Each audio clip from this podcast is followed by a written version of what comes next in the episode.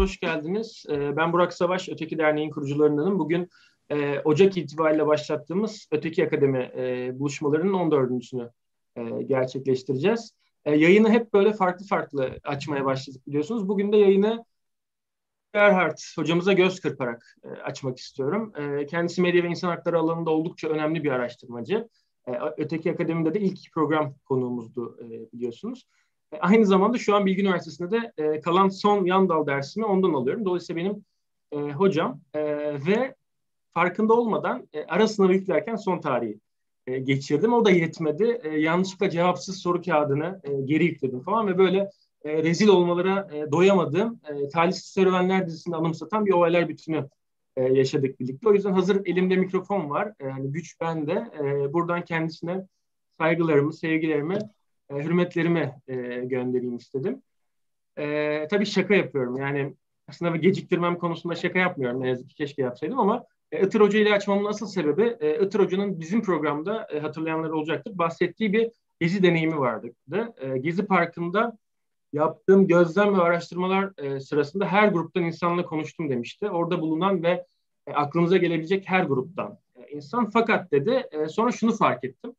E, sadece bir gruptan insanla konuşmamışım. Onlar da orada görev yapan polisler.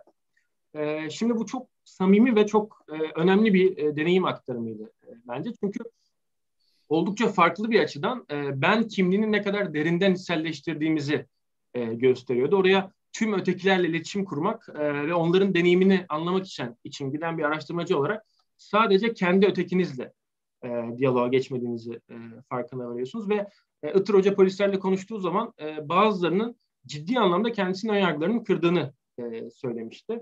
E, bana kalırsa bu tam anlamıyla bir ötekiyle karşılaşma hatta e, tanışma haliydi onun için. E, merak edenler hikayenin daha detaylı halini bizim YouTube kanalımızdan dinleyebilir ya da Spotify'dan dinleyebilir ama e, hepimiz gündelik yaşam pratiklerimizde e, belki artık daha az sayıda da olsa e, benzer deneyimler yaşıyoruz ve e, böyle aynaya bakıp e, yeni bir surat görerek çarpıldığımız hissine kapılıyoruz sanki. E, gerçekten de doğduğumuz andan itibaren ideolojik olarak bize dayatılan e, evde, okulda, e, toplumsal hayatın farklı alanlarında içselleştirdiğimiz ve çoğu zaman da kıramadığımız bir biz kimliği var. Bu konuda düşünmüş en önemli isimlerden biri 20. yüzyılın çok etkili e, filozoflarından Louis Althusser biliyorsunuz. E, kendisi bireyin özneye dönüşmesini incelerken bizim kim olduğumuza dair fikrimizin ideoloji tarafından e, bize sunulduğunu iddia ediyor. E, daha önce Burak Hoca'nın yayını, Burak Özçetin'in yayını kendisi de e, aramızda bu arada e, Gramsci'nin hegemonya kavramıyla açmıştık hatırlayacaksınız. E, yakın zamanda dinlediğim ve YouTube'da e, rahatlıkla bulabileceğiniz bir söyleşide de e, Althusser aslında Gramsci'nin e, kendisinden daha önce e, hegemonik aygıtlar e, diye bir kavram kullandığını ve bunun e, Althusser'in kendi teorisine çok yakın bir yerde durduğunu fakat Gramsci'den farklı olarak kendisinin devletin ideolojik aygıtları e, ifadesiz ile devlet vurgusunu e, öne çıkarttığını ve böyle farklılaştığını söyler. E, Althusser'in bu teorisine göre e, devletin ideolojik aygıtları sistemin kendini yeniden üretmesi ve daimi olarak yaşayabilmesini sağlamak amacıyla e, kullanılır. E, bu aygıtların en önemlilerinden biri de hiç şüphesiz medyadır. E, ve bir ideolojik aygıt olarak medya e, kim olduğumuzu, e, kim olmadığımızı, e, ne istediğimizi ve dolayısıyla ne istemediğimizi düzenler e, ve dayatır.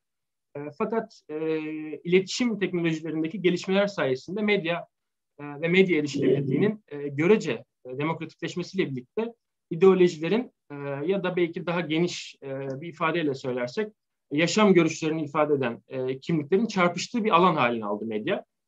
Özellikle sosyal medya kullanımının akıl almaz biçimde e, yaygınlaşmasıyla bu alan e, artık neredeyse bir arenaya e, dönüştü geleneksel medyadaki zaten hani bir türlü kesilemeyen e, ve regüle edilemeyen e, nefret söylemi ve ötekileştirici iletişim politikaları da iyice artık kaygı verici bir aşamaya erişti. E tabi artan kutuplaşma ve gerilim ile birlikte hem haber kaynaklarının hem de sıradan medya kullanıcılarının söylemi e, gittikçe e, radikalleşerek kendi ötekilerine karşı olan acımasızlığın e, dozunu da kaçıran bir hal aldı ne yazık ki. E, fakat öte taraftan e, sosyal medyanın bu nefret suçlarına karşı çıkmak e, için böyle yeni bir temsiliyet alanı e, yarattığını ve e, ötekini e, bene karşı yani hakim ideolojiye karşı görünür kılarak güçlendirdiğini de e, iddia edebiliyoruz. E, işte bugün e, bu tartışmalar çerçevesinde çok e, kıymetli bir konuğumuz var. E, Profesör Doktor Yasemin e, Girit İnceoğlu e, hocamız. Kendisiyle medyada nefret söylemi ve ötekileştirme üzerine konuşacağız. E, ve umuyoruz ki yayını e, yani ya gerçekten de başka bir dil mümkün e, diyerek e, kapatacağız. E, gevezeliğime artık alıştınız e, sanırım ama tekrardan ben özür diliyorum ve nihayet sözü e, Yasemin Hoca'ya bırakıyorum. E, hocam hoş geldiniz, iyi ki geldiniz. Hoş bulduk Burak, çok teşekkür ediyorum e, davetiniz için. E, umarım e, sıkıcı olmayan böyle bir 40-45 dakika bir beraber kısa bir e, gezi yapacağız. Bir yol haritam var. E, bu yol haritamda e, nefret söylemine geçmeden önce esasında bu e, nefret söylemini ikiye bölüp kelime bazında biraz söylem, nefret, e, sonra nefret söylemi, ötekileştirme, medyanın bu nerede durduğu bu alanda bunlardan bahsedeceğiz. Şimdi öncelikle isterseniz söylemden başlayalım. Söylem dediğimiz zaman dilin somut yaşayan bir bütün olarak anlaşılması demek bu. İnsanlar e, belirli bir grup içinde e, paylaşılan inanç, e, temsil, e, tutum veya e, grubun ideolojisini e, söylemler aracılığıyla inşa ediyorlar ve yani bir başka ifadeyle dil için e, kurgulanan e, toplumsal kökenli bir ideoloji olduğunu söylersek e, yerinde olur. Theon Van Dyck, e, çoğunuz duymuşsunuzdur, eleştirel söylem analisti. E, insanların bilgi, tutum ve ideolojilerini söylem yoluyla e, benimsediğini dile getiriyor ve söylem ve iktidar arasındaki ilişkiye vurgu yapıyor. İnsanların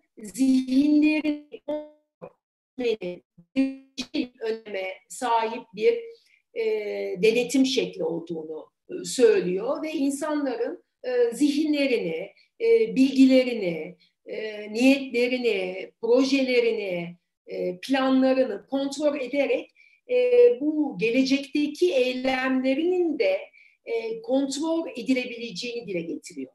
E, söylemlerin e, ideolojiler, bilgi, e, toplumsal kavrayış gibi e, işlemler ile ortaya çıktığını ve yeniden üretildiklerini ifade ediyor.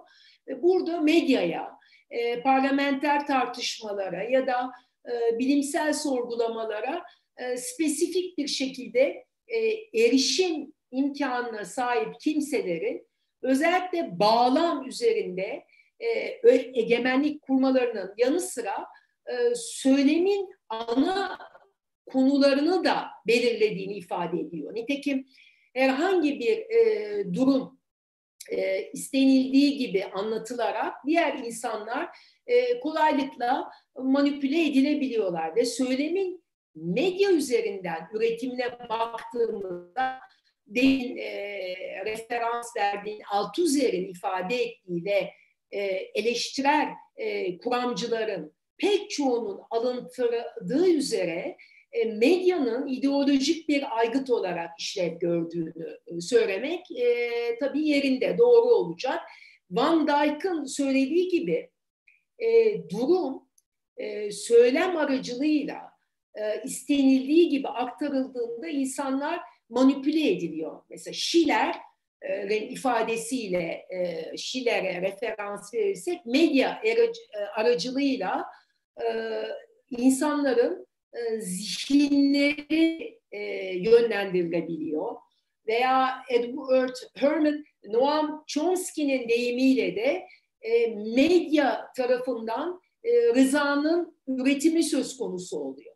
Tüm bu ifadelerden yola çıkarak medya, ideoloji ve iktidar ilişkisine baktığımızda ben buna Bermuda şeytan üçgeni diyorum. Söylem ve ideolojinin e, birbirinden ayrı e, düşünemeyeceğini söyleyebiliriz. Ve Van Dyck insanların bu zihnini denetlemek için söylemi de en önemlisi söyle bağlamını da yani kim, neyi, e, ne amaçla, e, nasıl bir durumda, kime söylediğinin denetlenmesi gerektiğini ifade ediyor. Özetle söylemin bağlamından ayrı olarak düşünülmemesi gerektiğini altını çiziyoruz. Nefrete gelince nefret yok etmeye, e, istememeye, sevmemeye yönelik e, olumsuz e, bir duyguyu tasvir etmek için kullanılan bir kelime. Ve Platon'dan daha başlayarak günümüze kadar bu uzanan süreçte e, filozofların, sosyal bilimcileri ilgi alanlarından biri olmuş nefret. Ve nefreti modern görüşler bir duygu olarak değil, aynı zamanda e, duygusal bir tutum olarak değerlendirmekteler. Bir başka açıklama daha var nefret konusunda.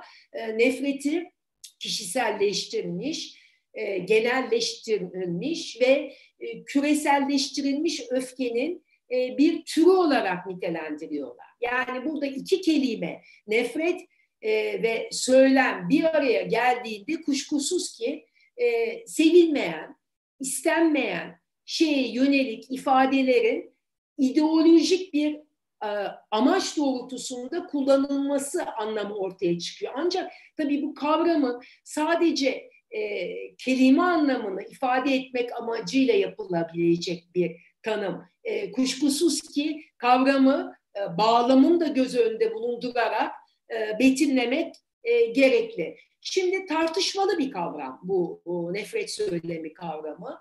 E, oldukça karmaşık, anlaşılması güç bir kavram olarak zaman zaman karşımıza çıkmakta, kendisini göstermekte. Burada nefret söylemi nedir sorusu, ifade özgürlüğü ile nefret söylemi arasındaki sınır nerede, nerede başlar, nerede biter? E, nefret söylemi acaba sadece e, kişilere ya da azınlıkta kalan kimselere, e, gruplara yönelik olarak mı üretilebilen bir şey? E, içinde olumsuz ifade ve e, duygu olan her söylem acaba bir nefret söylemi oluşturabilir mi? Ve nefret söylemi ve e, ona yakın fakat çok farklı tanımı olan yani nefret söylemi fazla pompalandıkça e, nefret suçu ile neticelenebilir ama her nefret söylemi illaki bir nefret suçu e, doğuracak diye bir kaide yok. Dolayısıyla nefret söylemi ve nefret suçu ilişkisi nasıl açıklanabilir gibi soruları da bu kavram, bu başlık beraberinde getirmekte ve bu soruların tamamına e, net e, yanıtlar vermek e, oldukça güç. E, Avrupa e, Bakanlar e, Komitesi'nin e, 1997 yılında aldığı bir e, tavsiye kararı var. E, burada e, nefret söylemini tanımlıyor ve nefret söylemi e, kavramı işte nefret, xenofobi yani yabancı düşmanlığı, e, Yahudi düşmanlığı, e, azınlıklar, e, göçmenler, göçmen kökenli e, insanlara yönelik e, saldırgan ulusalcılık, e, etnik e, merkezcilik, ayrımcılık, düşmanlık şeklinde ifadesini bulan ve içerisine dinsel hoşgörüsüzlük dahil olmak üzere hoşgörüsüzlüğe dayalı e, başka nefret e, biçimlerini yayan, kışkırtan, teşvik eden, meşrulaştıran her türlü ifade biçimi olarak tanımlıyor. Ve ülkeler arası özellikle AB ülkeleri ve ABD farklı bir kıta arasında ciddi farklılıklar ortaya çıkmakta. Dolayısıyla da e, kavram e, üzerinde bir uzlaşma zemini daralmakta. Mesela ABD'de bu konuya çok daha liberal bir e, tavırla yaklaşılmakta. E, düşünce özgürlüğünün sınırlarını e, geniş tutuyor ABD biliyorsunuz. 1787 tarihli 1791'de First Amendment yani 10 madde değişikliğe uğruyor. İlk madde basın özgürlüğünü garanti altına alan. Zaten ABD dünyada ilk basın özgürlüğünü garanti altına alan ülke. Dolayısıyla basın özgürlüğünün sınırlarını çok geniş tutuyorlar ve nefret söyleminin tanımı ve sınırları ile ilgili muğlak, e, dar bir tutum göstermekteler.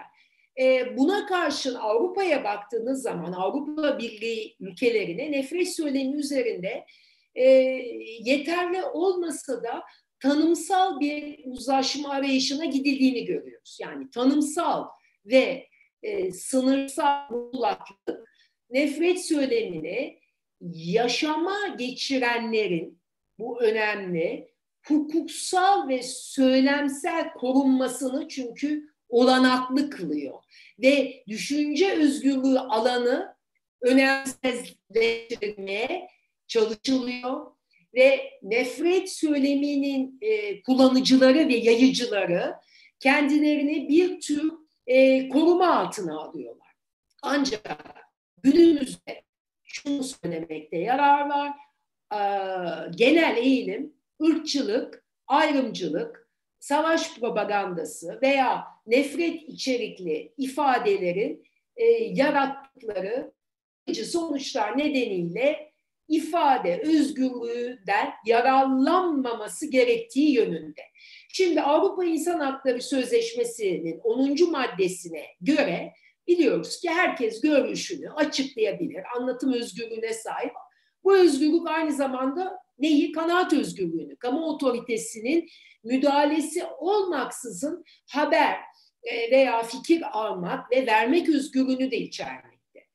İfade özgürlüğünün başka bir hakla çatışması durumunda ise ya sözleşmenin 10. maddesi uygulanıyor ya da bu e, kullanılması sözleşmede e, koruma altına alınan diğer e, hakların e, yok edilmesini eğer hedefliyorsa ifade özgürlüğünün sözleşme tarafından korunmamasına yönelik bir 17. madde var. O uygulanıyor. Ve bu sınırlama ifade özgürlüğü için de geçerli. Yani nefret söylemi 10. madde tarafından e, korunan ifade özgürlüğü kapsamında değildir. E, Avrupa İnsan Hakları Mahkemesi iştahatı e, belli kişi ya da grupları e, aşağılamak gibi nefret söylemi içeren bu somut ifadeleri sözleşmenin 10. maddesi kapsamında olmadığını ve devletlerce e, ve ulusal yasalarca kısıtlanabileceğini söylüyor. Ve Avrupa İnsan Hakları Mahkemesi yine politikacıların hoşgörüsüzlüğü alevlendirecek bir dil kullanmama konusunda sorumluluk sahibi olduğunu da ortaya koyuyor. Avrupa İnsan Hakları Mahkemesi'ne göre e, siyasi tartışma özgürlüğü e, tüm e, demokratik sistemlerin temel ilkesi ve hükümetler hem e, en ağır eleştirilere e, karşı bir e, hoşgörü göstermek. Esasında bu hoşgörü kelimesini sevmiyorum. Çok üstenci bir şey. Yani gelen eleştirilere açık olabilmek diyelim hem de e, öngördükleri e, sınırlayıcı önlemlerin e, ifade özgürlüğü üzerinde e, caydırıcı etki doğurmasını engellemekle yükümlü. Hükümet e, kendisine yöneltilen ağır ve e, sert eleştirilere etkili bir şekilde cevap verebilecek avantajlı bir konumda çünkü iktidarda. Bu nedenle e, siyasi ifadelere yönelik e, devlet kaynaklı müdahaleler kabul görmemelidir e, diyor Avrupa İnsan Hakları Mahkemesi. Şimdi medyaya baktığımız zaman nefret söylemi içeren e, açıklama ya da ifade e, eğer bunun sahibi e, gazetecinin kendisi ise e, kabul edilemez bir şey.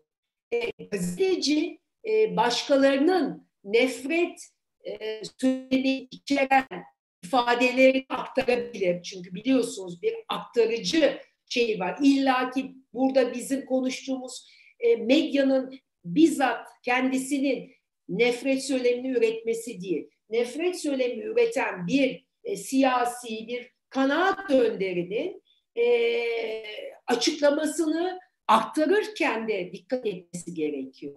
Şimdi burada gazeteci başkalarının nefret söylemi içeren ifadelerini aktarırken genel geçer toplumun e, geneli tarafından kabul gören, e, onaylanan ifadelermiş gibi bir algı yaratmamakla yükümlü. Örneğin e, bu ifadeleri tırnak işareti içine almaksızın başlığa taşıyorlar. Bu yapılmaması lazım. Kaldı ki sırf tırnak içine almak da yetmiyor bu durumlarda.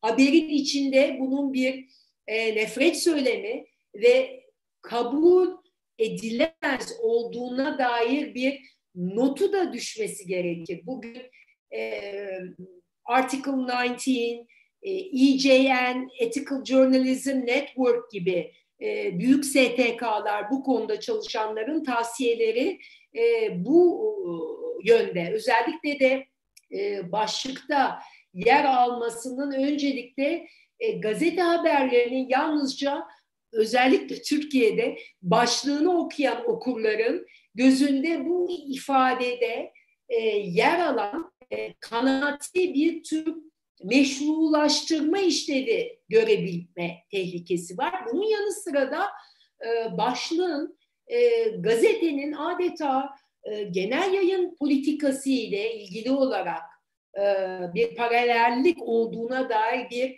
algı uyandırabileceği dikkatte alınması gereken bir konu. Demin zikrettiğim Article 19, Ethical Journalism Network gibi örgütler e, özellikle nefret söylemini e, saptarken ele alınması gereken bir takım kriterler var diyor. Esasında Avrupa İnsan Hakları Mahkemesi de bu kriterlere bakıyor. Burada önemli olan bir şey, hepimizin bu konuda da hani iyi birer medya okur yazarı olarak e, okuduğumuz metinde, izlediğimiz filmde dikkat etmemiz gereken kriterler bunlar. Bir tanesi konuşmacı kim? E, statüsü ne? Yani özellikle e, siyasi liderlerin, siyasilerin yaptığı açıklamalar e, büyük önem e, arz etmekte. E, politikacıların e, ihtilaflara veya anlaşmazlıklara neden olabilecek bir takım e, kamusal e, konuşmalar yapmaktan e, kaçınmaları gerektiği konusu vurgulanıyor. Ve mesela bir kısmı e, nüfusun bir e, bölümünü rencide edip dehşete düşürüp rahatsız ediyor olsa da e, siyasi e, partilerin görüşlerini e, halkın önünde e, savunma hakları olduğunu kabul ediyor. Fakat e, siyasi partiler bunu gerçekleştirirken e, aşağılayıcı e, söz e, ve davranışlar kullanmamalılar. Zira bu tür davranışlar e, gerek barışçıl, e, gerek e, sosyal ortamla e, uyumlu e, kamusal tepkiler e, oluşturmaz ve demokratik e, kurumlara olan e, güveni de e, ciddi anlamda sarsar. Avrupa İnsan Hakları Mahkemesi'nin Le Pen e, versus Fransa e, davasının kararı var. Bu kararda e, ırkçı görüşleriyle tanınan meşhur e, Fransız siyasetçi e, Jean-Marie Le Pen e, bazı ifadelerini sözleşme ile e, uyumlu olup olmadığı değerlendiriliyor.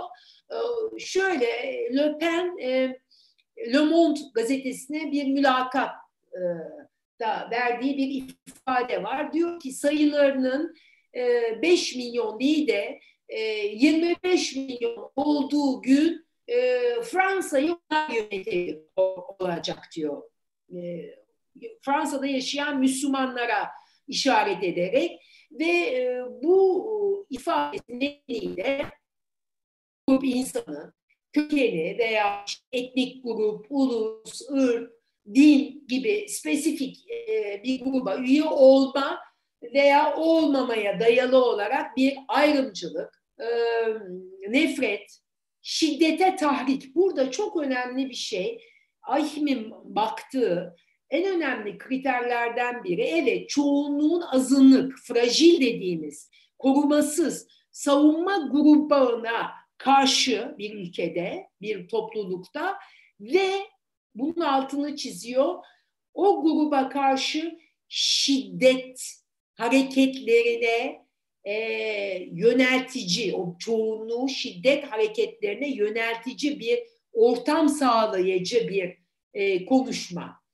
E, Le Pen e, bu nefret ve şiddete tahrik ettiği gerekçesiyle 10 bin euro bir para cezasına çarptırılıyor ve e, Ahim e, Le Pen'in açıklamalarının bir bütün olarak e, Fransa'da yaşayan Müslüman topluluğa karşı adeta bir e, dışlama e, ve düşmanlık hislerini güçlendirici nitelikte olduğu gerekçesiyle de e, e, bu kararı veriyor. Şimdi Avrupa İnsan Hakları e, Mahkemesi'nin siyasetçilerin kullandıkları e, nefret içerikli ifadelere yönelik bu yaklaşımı oldukça önemli.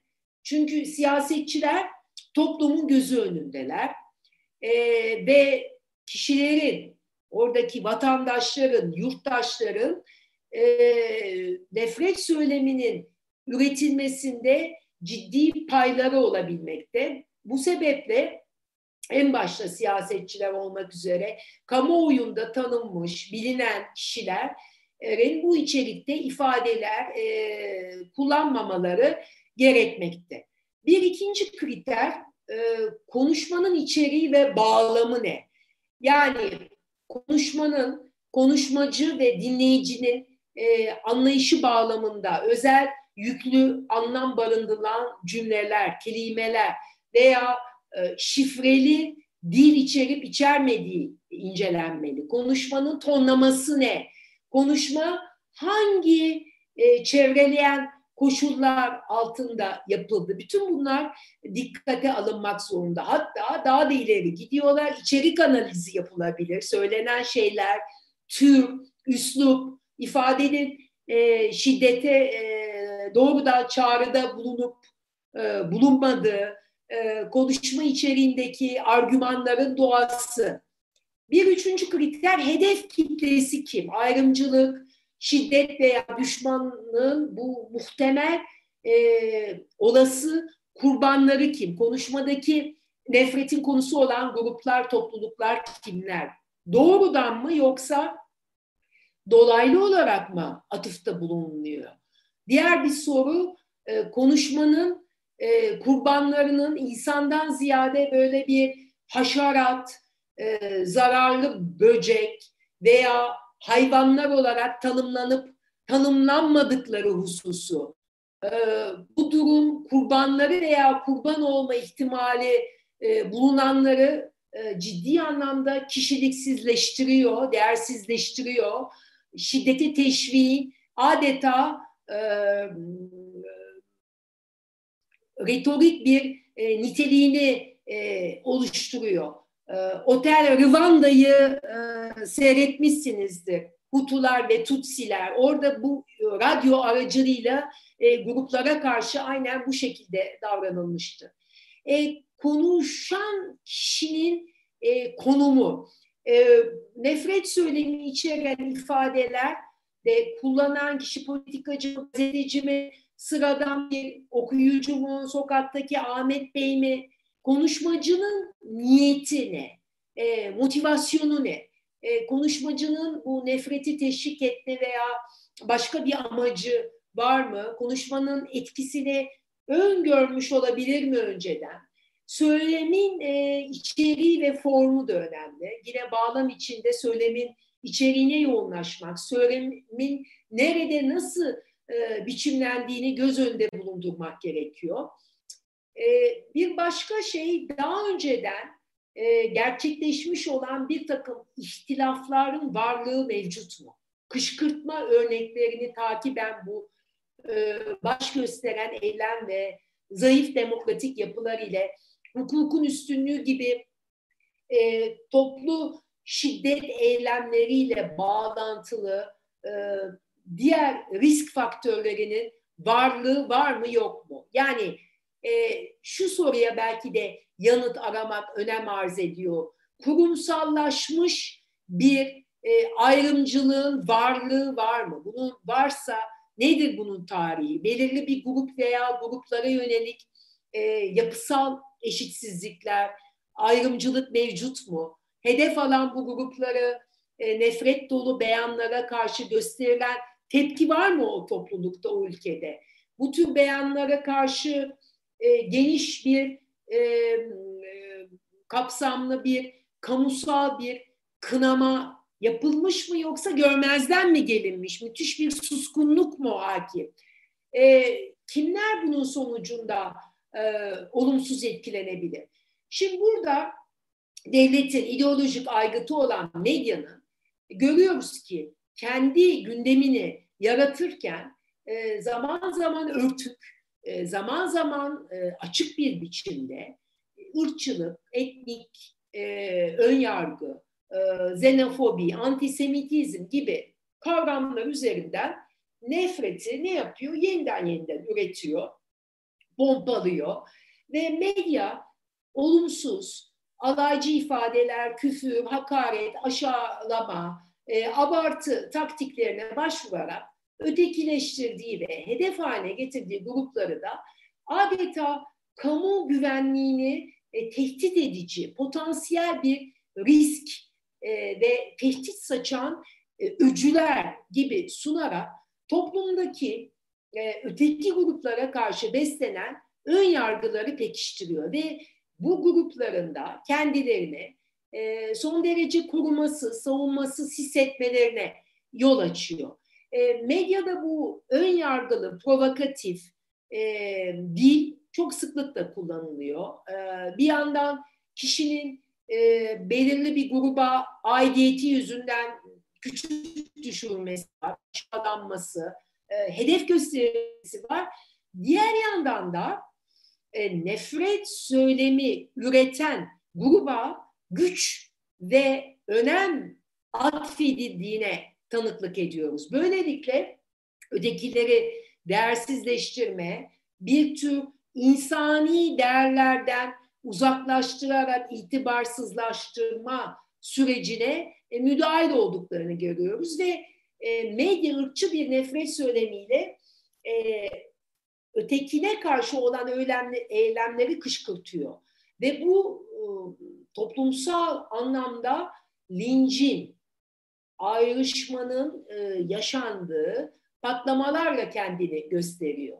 Şimdi hakaret dedik, aşağılama, alay, yaftalama, nefret söylemi gibi çok geniş bir yelpazedeki ayrımcılık biçimlerini esasında e, şey yapıyor, biçimlerini içeriyor. Özellikle dediğimiz gibi dezavantajlı ve savunmasız gruplar dışlanıyor ve biz ve ötekiler ayrımı üzerinden ayrımcılık simgesel olarak yeniden üretiliyor.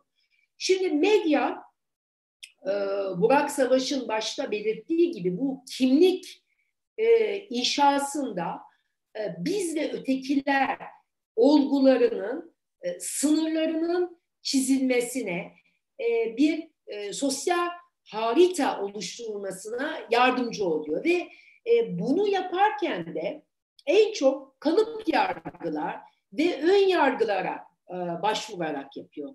E, kalıp yargı stereotipten e, Türkçe'ye gelen bir e, kelime. Walton Whitman'ın e, kafamızdaki resimler olarak tanımladığı bir şey kalıp yargılar ve insanın e, psikolojik bir ihtiyaç olarak e, istem şekilde gerçekleştirdiği bir tür sınıflandırma eğilimin sonucu olarak ortaya çıkıyor. Ve kalıplar e, belli bir e, kategoriyle eşleştirilen abartılmış inançlar ve kişiyi e, nesnellikten uzaklaştırması e, sebebiyle kişinin yanlış e, kararlar almasına da neden oluyor. Şimdi şöyle o işliyor mekanizma dahil olduğumuz bir grup var. Dahil olduğumuz grubun e, genel özelliklerini normal kabul ediyoruz ve e, diğer grupların e, kendi grubumuzla bağdaşmayan yanlarında o, otomatikman e, öteki olarak kabul etmeye başlıyoruz. Kendi normlarımızın üstünlüğüne inanıyoruz. E, farklı e, olanın da üstün olana bir tür uyum sağlaması gerektiğine dair bir e, yargı geliştiriyoruz. Ön yargı dediğimiz şey ise e, insanları e, basit bir takım hmm, demin bahsetmiş olduğumuz kalıp yargılara dayanarak katı bir biçimde sınıflandırma olarak tanımlamak mümkün. Şimdi ötekinin ne anlam ifade ettiğini irdelediğimizde genelde referans noktası olarak e, kendimizi aldığımızı görüyoruz ve e, sahip olduğumuz bu karakteristik özellikleri de norm olarak e, görüp kabul edip e, bu özelliklerinden farklı özellikleri sahip kişileri de o eki olarak tanımlıyoruz. Öteki bizden olmayan e, bir tür korktuğumuz, bilmediğimiz, tanımadığımız hatta tanımaktan korktuğumuz orada bir yerde dursun ama bana ulaşması. Öteki kelimesinin e, kültürel e, kullanımı da gördüğümüz ne? Öteki kavramı e, daha çok e, egemen kültürün e, kendinden farklı olanı e, tanımlamasında kullanılıyor. Daha doğrusu bu kültürel hegemonyanın bir e, getirisi olarak sadece kültürel iktidarın öteki tanımı kabul görüyor. Ve kendisini e, toplumun e, ana unsuru, e, ana kimliği olarak görmeye başlıyor. Ve öteki e, olgusu e, kimliğin oluşturmasında e, önemli bir role sahip. Şimdi medyanın ötekinin temsilini e, simgesel anlamda yeniden üretirken düşebileceği bir takım hatalar var. Bu hatalar neler? Ötekiyi yok sayabilir ya da e, çok e, sınırlı bir şekilde verir. E, ötekiyi e, olumsuzlukların e, konusu yapar. E, ötekiyi ayrımcı nitelemelerle birlikte anar ve ötekine e, e, karşı e, nefret söylemi geliştirebilir. Şimdi ötekileştirmede başvurulan en yaygın yöntem ve bugün konumuz olan e, nefret söylemi olduğu için, nefret geliştirmek olduğu için bundan e, bu biraz örneklerle bahsetmek istiyorum. E, biliyorsunuz çok sıklıkla verilen, eminim çoğunuzun dinlediği, okuduğu örnekler var. İşte mülteciler, ötekiler, LGBTİ artılar, e, kadın ve çocuklar. E, fakat bunlar dışında e, birçok e, kırılgan, e, savunmasız e, gruplar var. E, belki değişiklik olarak e, bunlardan birazcık bahsetmekte yarar, yarar var. Bir tanesi yoksullar. Özellikle bu Covid döneminde e, her biri e, Covid'den nasibini farklı farklı aldı. Birinci grup yoksullar. Tabii ben bunlara daha çok medyada temsil ediliş biçimleriyle bakacağım. Romanlar, engelliler, yaşlılar, mahpuslar hepsi var. Şimdi burada e, kısaca herhalde daha e, süren var. E, değil mi Burak? Hocam istediğiniz kadar. Bir 35 yok çok istediğim evet. gibi yapmayalım ama herhalde tamam. bir 20 dakika bitti değil mi? Ee, ee, bir aşkı. yarım saate bir 38 dakika falan oldu hocam. Ha okey. O zaman bir 10-15 dakika daha konuşacağım mecburen. Şimdi e, ama 20-30'dan itibaren sayma sen konuştun. 20-31'de başladık. 5-6 dakika sen konuştun. Doğru doğru doğru. Tamam. 30 dakika diyelim o zaman. Hocam tamam, istediğiniz okay. gibi yani hiç sorun değil. Pazarlık hiç tamam. Okey tamam. sağ ol. Şimdi yoksulluk derken bir alt başlık hemen açtım.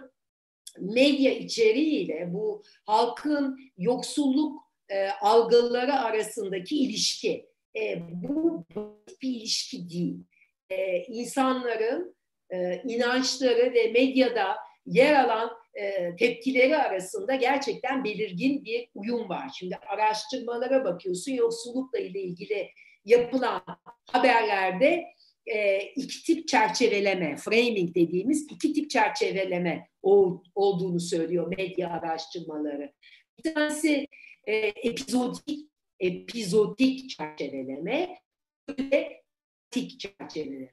Şimdi epizodik e, çerçeveleme dediğimiz zaman yoksulların e, acılarının vurgulandığı, tematik hikayelerin de e, yoksullukla ilgili e, genel eğilimlere e, odaklandığını görüyoruz. Epizodik çerçevelemede yoksulluğun e, bireysel faktörlerden kaynaklandığı, durumu düzeltmekten e, sorumlu olanların da bizzat yoksulların e, kendisi oldukları e, vurgulanır. Oysa ki tematik çerçevelemede izleyiciler e, hükümetin e, yoksulluklardan e, sorumlu olduğuna e, altı çizilir. Yani bu çerçeveleme biçimleri insanların e, yoksulluğu algılama biçimlerini tabii ki etkiliyor ve e, medyada e, zaman zaman yoksulluk e, mücadele edilip yok edilmesi gereken bir şey olarak tanımlanıyor. Savaş metaforları bile sıklıkla kullanılıyor. Yoksulluğun zor, sorunlu olduğu hatta bazen bir hastalık olduğu algısı yaratan haberler de yapılıyor. Öncelikle bir kavram ve e, yoksulluk bir fenomen olarak e, tartışılıyor. E, makalelerin kişisel temelde fakirlere pek fazla değinmediği e, makalelerde dikkat çekiyor. Yapılan birkaç araştırma var ve medyaya e, toplumdaki tüm kötülüklerin nedeni olarak onları bir tür şeytanileştirme ya da melek veya işte mağdur, kurban olarak gösterilme stratejileri benimseniyor ve medya içeriği yoksulluk ve yetersiz bu gelir e, güvenlik programlarının etkilerine hiçbir işaret etmeden özellikle suçun artmasına odaklanıyor.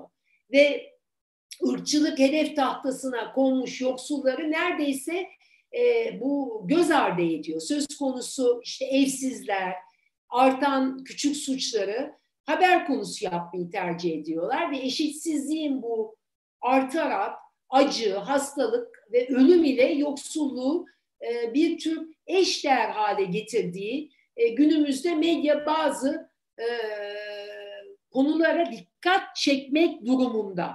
Bir defa medyanın ne yapması lazım? Yoksulluğu azaltma konusunda geniş bir kitleyi kapsayıcı bir içerikle e, bilgilendirmesi gerekiyor. Bunu yaparken ne yapacak? Savunmasız yaşayan insanların görüş ve endişelerini paylaşmak için bir platform, açık bir forum oluşturması lazım. Sonra suç artışları ile istatistiklerin ötesine gitmek lazım. Bağlamdan haber, e, kopuk haber e, yapmaması lazım. Zarara yol açacak bir korku tellallığından kaçınmak öncelikli olması lazım. Yine mevcut yoksulluk algılarına meydan okuyan haberler yapması lazım. Geleneksel medya e, mevcut güç yapılarına çok e, nadiren her konuda özellikle konu ötekilere gelince meydan okuyor. Oysa medya yoksulluğun hem bireysel hem de sistemik nedenlerini kapsamadığı müddetçe ve yoksulları da e, sivil diye dahil etmediği sürece e, bu hegemonik düzeni yeniden e, üretmeye, hizmet etmekten başka bir işe yaramadığını görüyoruz. Keza yine romanlar medyada özellikle epidemi sürecinde e, nasıl temsil edildiler diye baktığımızda Sıfır Ayrımcılık Derneği ile de toplantılar yaptık. Burada pandemi sürecinde romanların medyada temsili konusunda aslında sevindirici bir olarak çeşitlilik olduğuna dair bir e, sonuç çıktı bazı yerlerde. Pek çok internet gazetesinde e, bu süreçte ön yargıların ötesinde o vur patlasın, çal oynasın klişelerinin ötesinde romanların e, süreç boyunca e, yaşadıkları zorluklara e, dikkat çeken haberler yapıldı. Bu haberlerin pek çoğunda e, romanların onurlarını koruyan, kamuoyunda e, gerçek meseleler konusunda e, farkındalık yaratan e, bir e, tarz vardı. E, örneğin birçok haberde e, ajitasyon oluşturacak fotoğraflar yerine bu ön yargıları yıkan fotoğraflar kullanıldı. Tabii burada toplum kuruluşlarının, dayanışma platformunun çok büyük rolü var. Sıfır Ayrımcılık Derneği sevgili Elmas Arus ve ekibi bu konuda çok e, çalışıyor. Ama yine de ana akım medyada e, romanların e, pek fazla yer bulduğunu söylemek yanlış olur. Hapishaneler e, ve gelince mahpuslarla ilgili Zafer Kıraç da bu konuda e, benim de e, Biyanet'te yazdığım e, yazılardan oluşan koronavirüs günlükleri kitabında sağ olsun o da katkıda bulunmuştur. Uzun süredir hapishaneler e, medyada bir fabrika, okul gibi, bir modern hapishane gibi başlıklar veri, e, şeklinde hep verildi. E, e, şimdi burada salgın sürecinde de e, medyanın bu tavrı sürdü. İnsan hakları ihlalleri, kısıtlamalar e, normal olarak sunuldu. E, hatta 6 ay sonra işte verilen mahpusların en temel haklarından olan görüş hakkı e, bir bayram müjdesi e, olarak verildi. İnsan hakları örgütlerinin e, yazmış olduğu bir takım e, salgına dair raporlar vardı. E, ana akım medyada bunlar yer bulamadı maalesef. Engellilerle ilgili yine medyada engellilerin ele alınışı çoğu zaman e, sorunlu. Engelli haklarının bu gönüllü kılma, onları e, eşit vatandaşlık algısına uygun bir şekilde e, resmetmek yerine aksine olağan dışı bir şekilde bir tür aciz göstererek zaman zaman e, dramatize ederek üstün veya başarı hikayeleri üzerinden bir tür kahramanlaştırarak e, sunulduklarına tanık ediyoruz. E, bunlar tabii e, bu kalıp yargılar e, çok e, yanlış. E, bir başka örnek belki de e, yaşlılarla ile ilgili e, gerontoloji e, ve ageizm Ageizm e, yaşa bağlı ayrımcılık, e, ırkçılık ve cinsiyetçilik gibi bir şey bu yaşçılık, yaş ayrımcılığı da. E, yaş grupları arasındaki ıı, eşitsizlikleri bir tür meşrulaştırmak suretiyle e, sosyal ve ekonomik bir amaca da hizmet ediyor ve aslında bu e, yaşlıların nasıl oldukları ve göründüklerinden ziyade iktidardakileri, onları, ya iktidar dediğim zaman bütün e, iktidarlar diyorum, e, yani e, ülke iktidarı anlamında değil. E, iktidarlar her yerde, e, Foucault'a selam, yani küçük iktidarlar da bunun başına e, sayılabilir. İktidardakilerin e, nasıl gördükleri, burada da gençler ve onlara nasıl anlam verdikleriyle ilgili. Yani başka bir deyişle kendilerini yaşlı olarak algılamayan ve e, güçlerini meşrulaştıran bir grubun e, yaptığı bir takım genellemeler Ve yaşlılarla ile ilgili biliyoruz kalıp yargılar çok işte. Kendilerine bakamazlar, yeni şey öğrenemezler, bunlar bize yükler, eski kafalılar, işte korunmaya muhtaçlar vesaire unutkanlar, huysuzlar, çaptan düştüler, ununu elemiş, eleğini asmış filan veya artık işte köşende oturma zamanı, yaş yetmiş, iş bitmiş bir sürü deyimler var, atasözler var. Bunlar çok içselleştirilmiş. Bu var olan, bu ayrımcılığı e, çok daha fazla derinleştiriyor ve kuşkusuz yaşlara yönelik bu toplumsal imge, imgelerin ve tutumların oluşturduğu en e, büyük kültürel arena. Dolayısıyla küresel nüfus yaşlanmasına rağmen e, yaşlılar medyada bütün ötekiler gibi hem yanlış temsil ediliyorlar hem eksik temsil ediliyorlar. Ve burada yaşadık bütün bunları. Yani 65 yaş üstü e, grubunun başına gelen olaylar, işte Anadolu Ajansı'nın galiba bir videosu vardı, haberi o medyada e, çok dolaştı 65 yaş üstü bir e, kadın e, itelendi, yere düştü, bir belediye otobüsüne binmek istedi, fiziksel şiddete maruz kaldı, pis diye bağırdılar. Yani e, burada eve hapsedilmiş olmaları bile özellikle 65 yaş grubu ve ben de 60 yaşına basmış bir insan olarak gerçi daha e, 65'e 5 yıl var diyeceksiniz ama e, hani empati kelimesini çok seviyorum ama siz dinleyicilerin yaş ortalamasını düşünecek olursam benim hani empatim gruba karşı herhalde sizden daha e, yakın. E, isterseniz e, burada keseyim çok örnekler var. Esasında barış üzerinden birazcık da başka bir dil mümkün demiştik. E, barış söyleminden, e, barış gazeteciliğinden de biraz bahsetmek istiyordum. Ama belki bir soru gelir. E, böylelikle o soru üzerinden belki ona değinmiş olurum. Daha fazla e, süremi e, geçmeyeyim e, diyorum ve sözü Burak sana veriyorum. Çok teşekkür evet. ederiz. Çok keyifli bir e, anlatım oldu. Çok güzel toparladınız. E, hem e, akademik literatüre göndermeler hem gündelik yaşam pratikleri hem de güncelde çok karşılaştığımız e, başlıklarla birlikte çok